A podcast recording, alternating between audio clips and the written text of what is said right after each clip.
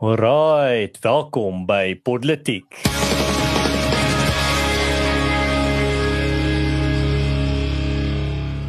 Uh, goeiemôre. Ek is Erns van Styl en saam met my ateljee is Arno Rood en in vandag se episode Ramaphosa se nuwe kabinet steeds vrot en Zimbabwe se boere verwerp regering se aanbod. Ek dink ons begin met daai daai eerste storie, Ramaphosa se nuwe kabinet is waar almal gesels. Ek wil so 'n bietjie van 'n ander hoek met hom vat, maar kom ons kry eers gou die uh, die konteks uh vir ons hier so agter mekaar. So uh, vir ek dink seker 2 weke nou al hoor ons van uh, Ramaphosa se kantoor af dat hy gaan nou hierdie uh, nuwe ka kabinetskommeling doen en uh, dit gaan nou groot verandering bring en die hele kommentariaat in Suid-Afrika maak groot boei oor en smeek die president asseblief stel die regte mense aan, sit die regte kaders in die regte plekke. Ehm um, sit die uh, vierkantige blokkie deur die vierkantige gaatjie en uh, toe gaan staan Ramaphosa en doen uh, presies niks van die voorstelle wat vir hom gegee is nie en uh, hy vergroot sy kabinet uh nou tot een van die grootstes in die wêreld. Ek bedoel ons uh sy kabinet is nou groter as die van Duitsland, groter as Japan, groter as uh, die Verenigde Koninkryk, groter as Amerika. Dit is die lande wie ons nou in die stof laat met hoe groot ons kabinet is met 'n uh, grootte van 32 met 30 ministers. Hier is 'n interessante ding ook wat daar bykom. Ramaphosa se kabinet is ook nou kos nou die Suid-Afrikaanse belastingbetaler meer as Jacob Zuma se kabinet met ministers wat net nie hulle self steur aan eh, die limite wat vir hulle daar geplaas word nie. Meeste, ek dink helfte van die ministers het nou al meer personeel aangestel as wat hulle mag. Uh die uh uh hoeveelheid uh uh personeel wat die ministers en uh adjunkministers nou aangestel het, staan by iets so 624 en uh, dit kos die Suid-Afrikaanse uh uh da en dan uh, wat ook nogal uh, uitstaan hier so is is die feit dat uh, hierdie kom nou op 'n agtergrond van 'n president en 'n ANC wat nou al vir jare vir ons beloof nee ons gaan uh die uh uitgawes van die regering op uh, personeel gaan ons sny kabinet gaan gesny word, daar gaan minder ministers wees en dan doen hulle presies die teenoorgestelde. Nie dat ons of ons gehoor hierso by politiek enigsins geskok is deur hierdie nuus nie, maar daar is tog dis wat nou wel skokkend is. Ek is geskok deur die feit dat daar nog steeds mense daar buite is wat geskok is deur die feit dat uh, Ramaphosa en die ANC nie doen wat hulle gesê het en beloof het hulle gaan doen nie. Maar Arno in plaas van om nou net deur te gaan deur die uh wisseling van ANC kaders van punt A na punt B toe. So ek eerder net meer uh my hoek uh, wil afsluit by die feit dat wat ons hier sien met uh, uh Russell Ramaphosa se uh verandering van sy kabinet is dat jy sien maar net meer van dieselfde. Hierdie is 'n uh, en ek dink daar ek ek het vandag nogal opgemerk daar's baie mense daar buite van hulle nogal hoogs intellektueel en deel van die Suid-Afrikaanse kommentariaat wat al hierdie verskillende teorieë het en hulle hulle dink nou woes die rook kom by hulle ore uit soos wat hulle probeer teoretiseer uh, wat is sit agter hierdie besluite van Ramaphosa? Hoe het hy gekies dat hierdie kader in hierdie posisie gesit moet word maar nie een van hulle is bereid om die eenvoudige waarheid in die gesig te staar nie en dit is dat Cyril Ramaphosa is maar net jou uh gewone ANC kader wat ons almal na aan gewoond geraak het. Ehm um, en dat uh, sy topprioriteit is eerstens die loyaliteit aan die ANC party. Dit is hoe hy vir mense posisies mee beloon en tweedens is sy tweede groot topprioriteit die verryking van sy kamerade. Hierdie is die duidelike ANC patroon wat ons nou al gesien het en ons sien dit nou maar net voortleef deur Cyril Ramaphosa. Dis iets wat eh, soos ek nou al gesê het, ons hier op politiek het ons al in 2018 van die begin af geweet hierdie gaan die uitkoms wees. Maar eh, 'n uh, hele paar agter ons moet maar ook nog in die kraal kom lyk like dit my. Maar die skille is besig om in die oë af te val van 'n klomp mense uh, wat Cyril Ramaphosa en sy reputasie betref as meesterstrategie uh, strateeg en uh, ja, ons sal nou maar sien wat die toekoms hou. Uh het jy enige wat is jou gedagtes uh, Arno op hierdie ehm um, uh, skommeling van die kabinet van Cyril Ramaphosa? Hmm. Ja, ernstig ek dink jy's presies reg in in die benadering wat jy vat dat hierdie is net meer van dieselfde. Ek dink enigiemand wat nou na die afgelope 30 jaar se blootstelling van ANC regering nog steeds op byna 30 nog steeds vir my kan sê dat hulle verwag daai new dawn. Hulle verwag 'n nuwe uitkoms. Hulle hulle misgis hulle self eenvoudig net. Die realiteit is dat die ANC is vrot van binne tot buite. Daar is nie sekere individue daar binne wat hierdie is 'n goeie appeltjie, hierdie is 'n slegte appeltjie nie. Die hele mandjie is vrot. En en ek dink ons moet as as kiesers, as kommentators um, in die politieke spasie moet hierdie besef. Daar gaan nie vernuwing kom vanuit hierdie vrot mandjie nie. Al wat hy gaan doen is hy gaan die res van die vrugte behoort ook siek maak solank as wat hy daarin bly. En ehm um, ek moet sê ek dit besef dit seker lelik, maar daar is iets in my wat lekker kry wanneer ek sien hoe hierdie ouens wat gesê het nee wag, hierdie 4D chess wat Ramaphosa gaan speel gaan nog vir ons almal ontbloot word wanneer hulle ook met 'n bietjie monder op hulle gesig moet staan en sê dit was maar net weer eens nog van dieselfde want of dit nou Zuma is en of dit Mbeki was en of dit Ramaphosa is uh op die ou ende het hulle almal 'n uh, ANC tramp stamp agter op die rug en hulle bly lojaal teenoor die party maak nie saak wat nie. Hmm. Ja, en ek bedoel hierdie is wat sit agter soos ek vroeër gesê het, die posisies wie uh, wat wie aangestel word is uh, gebaseer op lojaliteit aan die ANC. Dit is wat die nuwe daaraad wat Cyril Ramaphosa beloof het, wat dit altyd was. Dit was nie 'n nuwe daaraad vir Suid-Afrika nie. Dit was nie 'n nuwe daaraad vir die Suid-Afrikaners, gewone Suid-Afrikaners nie dit was 'n nuwe daaraad vir die ANC wat hulle voor gehoop en gebid het en hulle dit hulle gaan nie dit gaan nie manifesteer nie. So dis maar die een ding wat en die ander ding ook wat mense moet besef is as Cyril Ramaphosa praat van hy praat van ons mense en uh, die term wat hy gebruik is our people. Hy praat nie daar van swart Suid-Afrikaners nie. Hy praat van diegene wat lojaal is aan die ANC. Dit is hoe kaders na die wêreld kyk. Dit is hulle wêreldfilosofie, hulle wêreld uitkyk is gebaseer op vyand en vriend. En die vriende van die ANC is diegene wat lojaal aan die party is, soos in enige uh, drakoniese regime en uh, die vyande van die party is enigiemand wat in hulle pad staan, veral in die pad van die nasionale demokratiese revolusie en tweedens uh, al hoe meer uh, diegene wat aan die pad staan tussen hulle en die soustrein. Nou wat ek dink ook belangrik is wat mense moet besef is en ek dink dit is die die tweede die tweede punt wat belangrik is hierso is nie net die analise van uh wat is die implikasies van Cyril Ramaphosa se besluite hierso nie. Maar tweedens, wat is die implikasies vir partytetiek? Is partytetiek die enigste voertuig wat gebruik kan word om ons uit hierdie uh, gemors uit te kry? Ehm um, ek sê nou al vir 'n lang tyd op politiek dat jy uh moenie al jou eiers na een mandjie sit nie. Ehm um, jy beteken nie partytetiek is nie belangrik nie. Dit beteken nie dis iets waaraan jy nie moet deelneem of nie aan moet aandag gee nie. Dit gaan nog steeds jou lewe affekteer of jy nou daaroor omgee of nie. Maar terselfdertyd moet jy solank begin dink aan 'n plan B. Hoe gaan jy 'n invloed op jou samelewing en op jou toekoms hê wat nie afhangend is van wie die volgende verkiesing wen of die besluite van politici wat ver weg sit en geen idee het van die probleme wat op jou grondvlak en jou gemeenskap op grondvlak gebeur nie.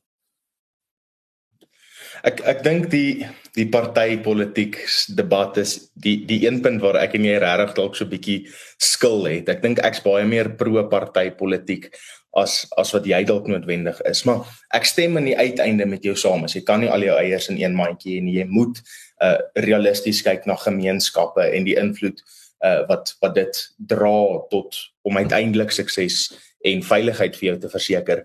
Maar ek het hoop vir die partytetiek spasie nog steeds. Ek dink wanneer ons na die ANC kyk uit hierdie perspektief van kaderontplooiing en die lojaliteit tot die party wat absoluut bo alles is, spreek dit vir my bietjie toe nog van 'n onvolwasse politieke party.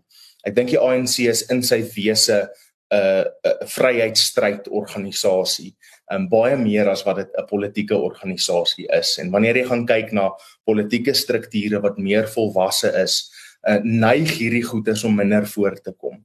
En dit is waarvoor ek hoop dat soos ons nou so 'n bietjie in 'n nuwe era van van die die politieke spasie spesifiek met konteks tot partytetiek in Suid-Afrika inbeweeg dat daar 'n bietjie volwassenheid gaan gaan meekom met dit. En ons uiteindelik uh wanneer daar eendag het sy 'n uh, koalisie oppositie regering of 'n um, uh oppositie of 'n uh, huidige oppositie regering op eie reg in in regering sit dat um, ons nie weer die dieselfde kwessies uh in hierdie lig sien nie Ja, baie Arno ek's bly dat uh, ons kan daai ons twee uitkyke kontras want uh, wat ons hierso het is uh, definitief 'n uh, vraag en 'n 'n onderwerp wat nie net ek en jy nou hier sit en oor gesels op politiek nie. Dit is dit is gesprekke wat reg oor die land besig is om plaas te vind.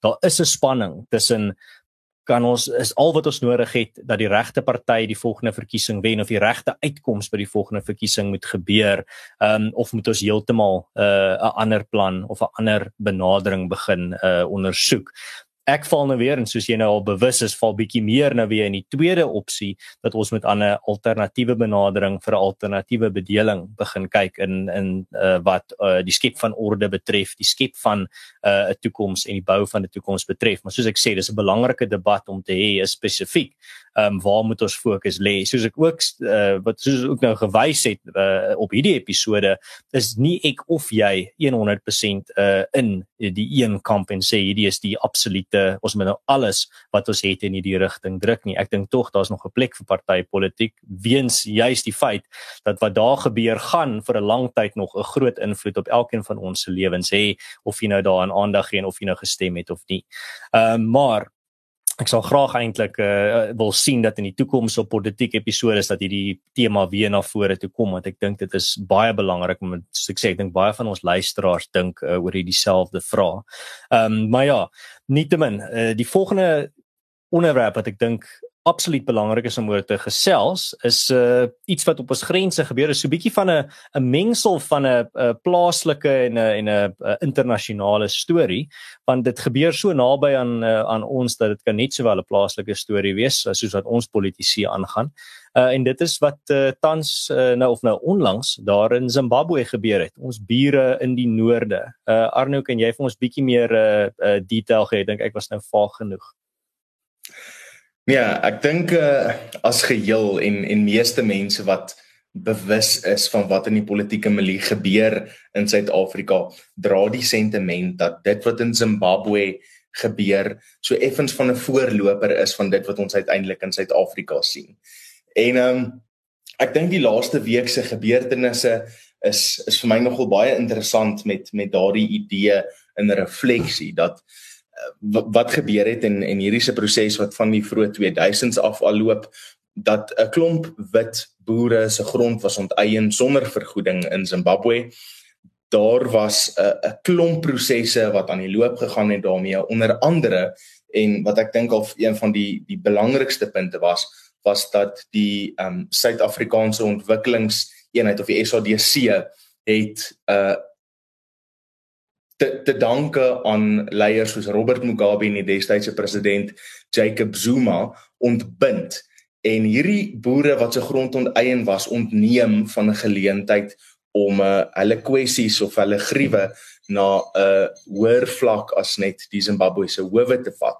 Nou hierdie hele proses deurlopend van die vroeë 2000s tot uh, meer onlangs was um, was in verskeie howe bestry die Gauteng um Hooggeregshof dit was in die Hoogste Hof van Appel en hierso lê nou selfs van hierdie sake voor die konstitusionele hof.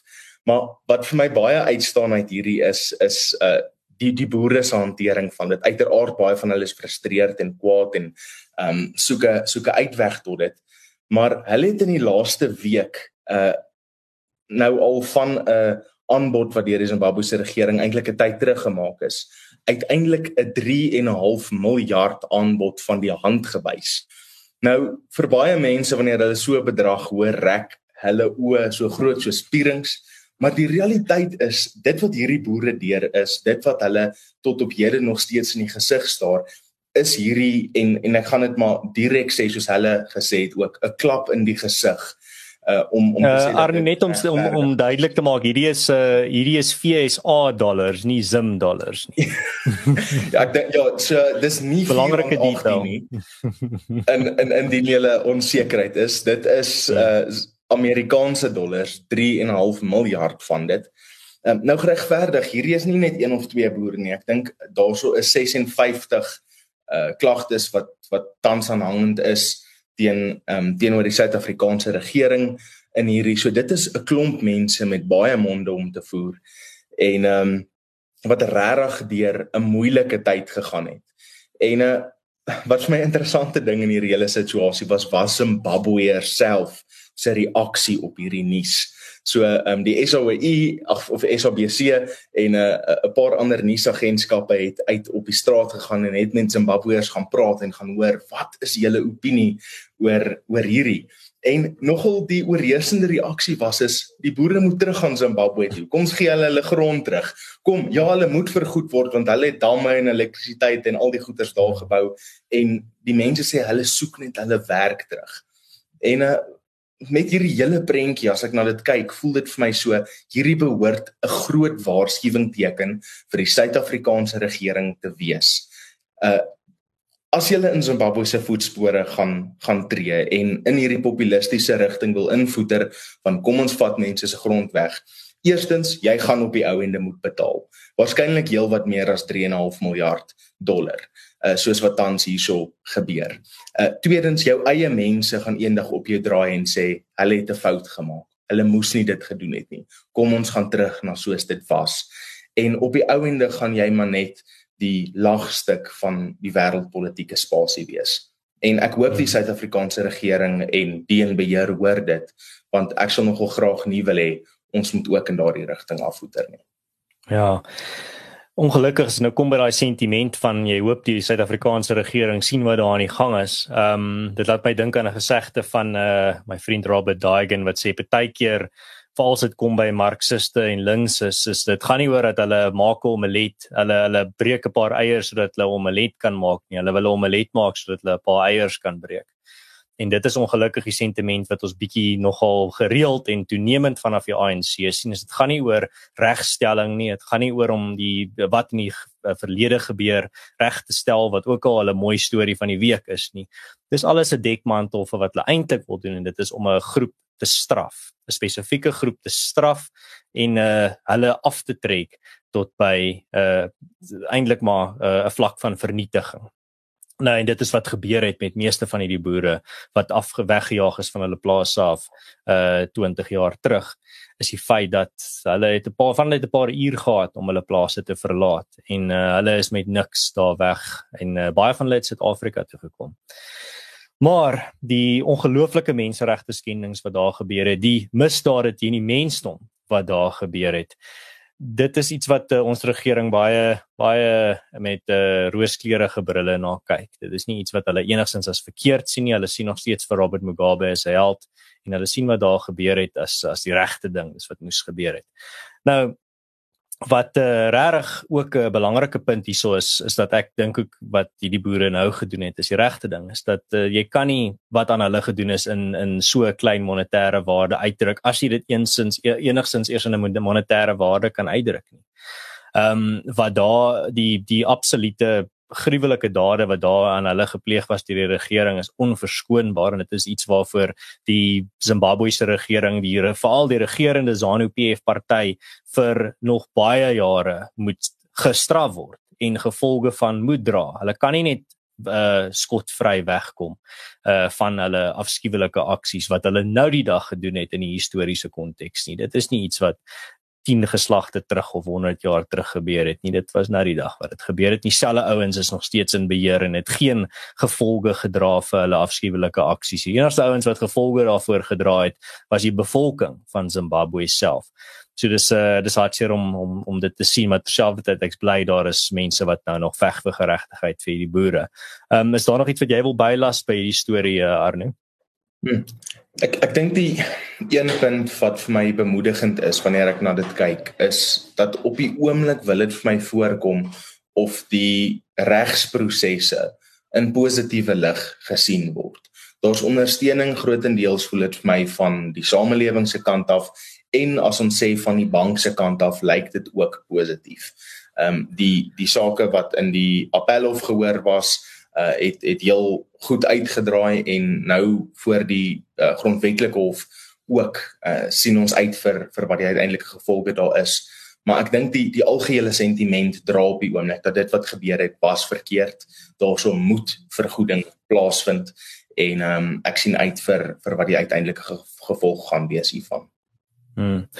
Ja, Flip Buys maak altyd 'n interessante punt oor Zimbabwe. Hy het dit in sy boek ook gemaak, die pad na selfbestuur waar hy sê Hy wonder wat die geskiedenis van Suid-Afrika sou gewees het as ons nie uh dit wat daar in Zimbabwe gebeur het hier reg op ons op ons stoep gehad het dat ons kan sien die gevolge van daai ideologie wat amper as 'n ideologiese entstof gedien het om vir ons uh baie meer versigtig te maak vir veral idees soos onteiening sonder vergoeding. Dit help ek die ANC dat hulle die presies dieselfde terminologie en retoriek gebruik nie. Ek bedoel so Ramaphosa partykeer 'n uh, halfe Robert Mugabe direk aan en uh, dis dit is nie per ongeluk nie. Ehm um, maar ja, ehm um, ons hou met valk oor hierdie storie dop en hoe dit gaan ontwikkel en ons sal as daar enige nuwe groot ontwikkelinge in dit is, sal ons definitief uh, vir ons gehoor uh, die nuutste daaroor bring saam met 'n lekker vars analise ook. Alrite, ehm um, ek bly julle almal het ingeskakel vandag hierso maar uh soos die uh, Zimbabwe se eerste poging om 'n uh, uh, flou antwoord te gee op hulle ongelooflike gruwelike dade van die verlede is hierdie episode ook eers verby. Ek hoop julle almal het dit geniet. Ek hoop julle het uh, dit insiggewend gevind en dat julle dalk 'n nuwe een 'n nuwe ding of twee geleer het. Ek's baie bly vir diegene en baie dankbaar vir diegene wat ons episode deel wat in die kommentaarafdeling ook hulle uh kommentare lewer en uh as jy op 'n ander platform luister, los vir ons 'n resensie uh en deel dit met jou vriende en familie. Tot volgende keer, totsiens. sien julle volgende week selfde tyd, selfde plek.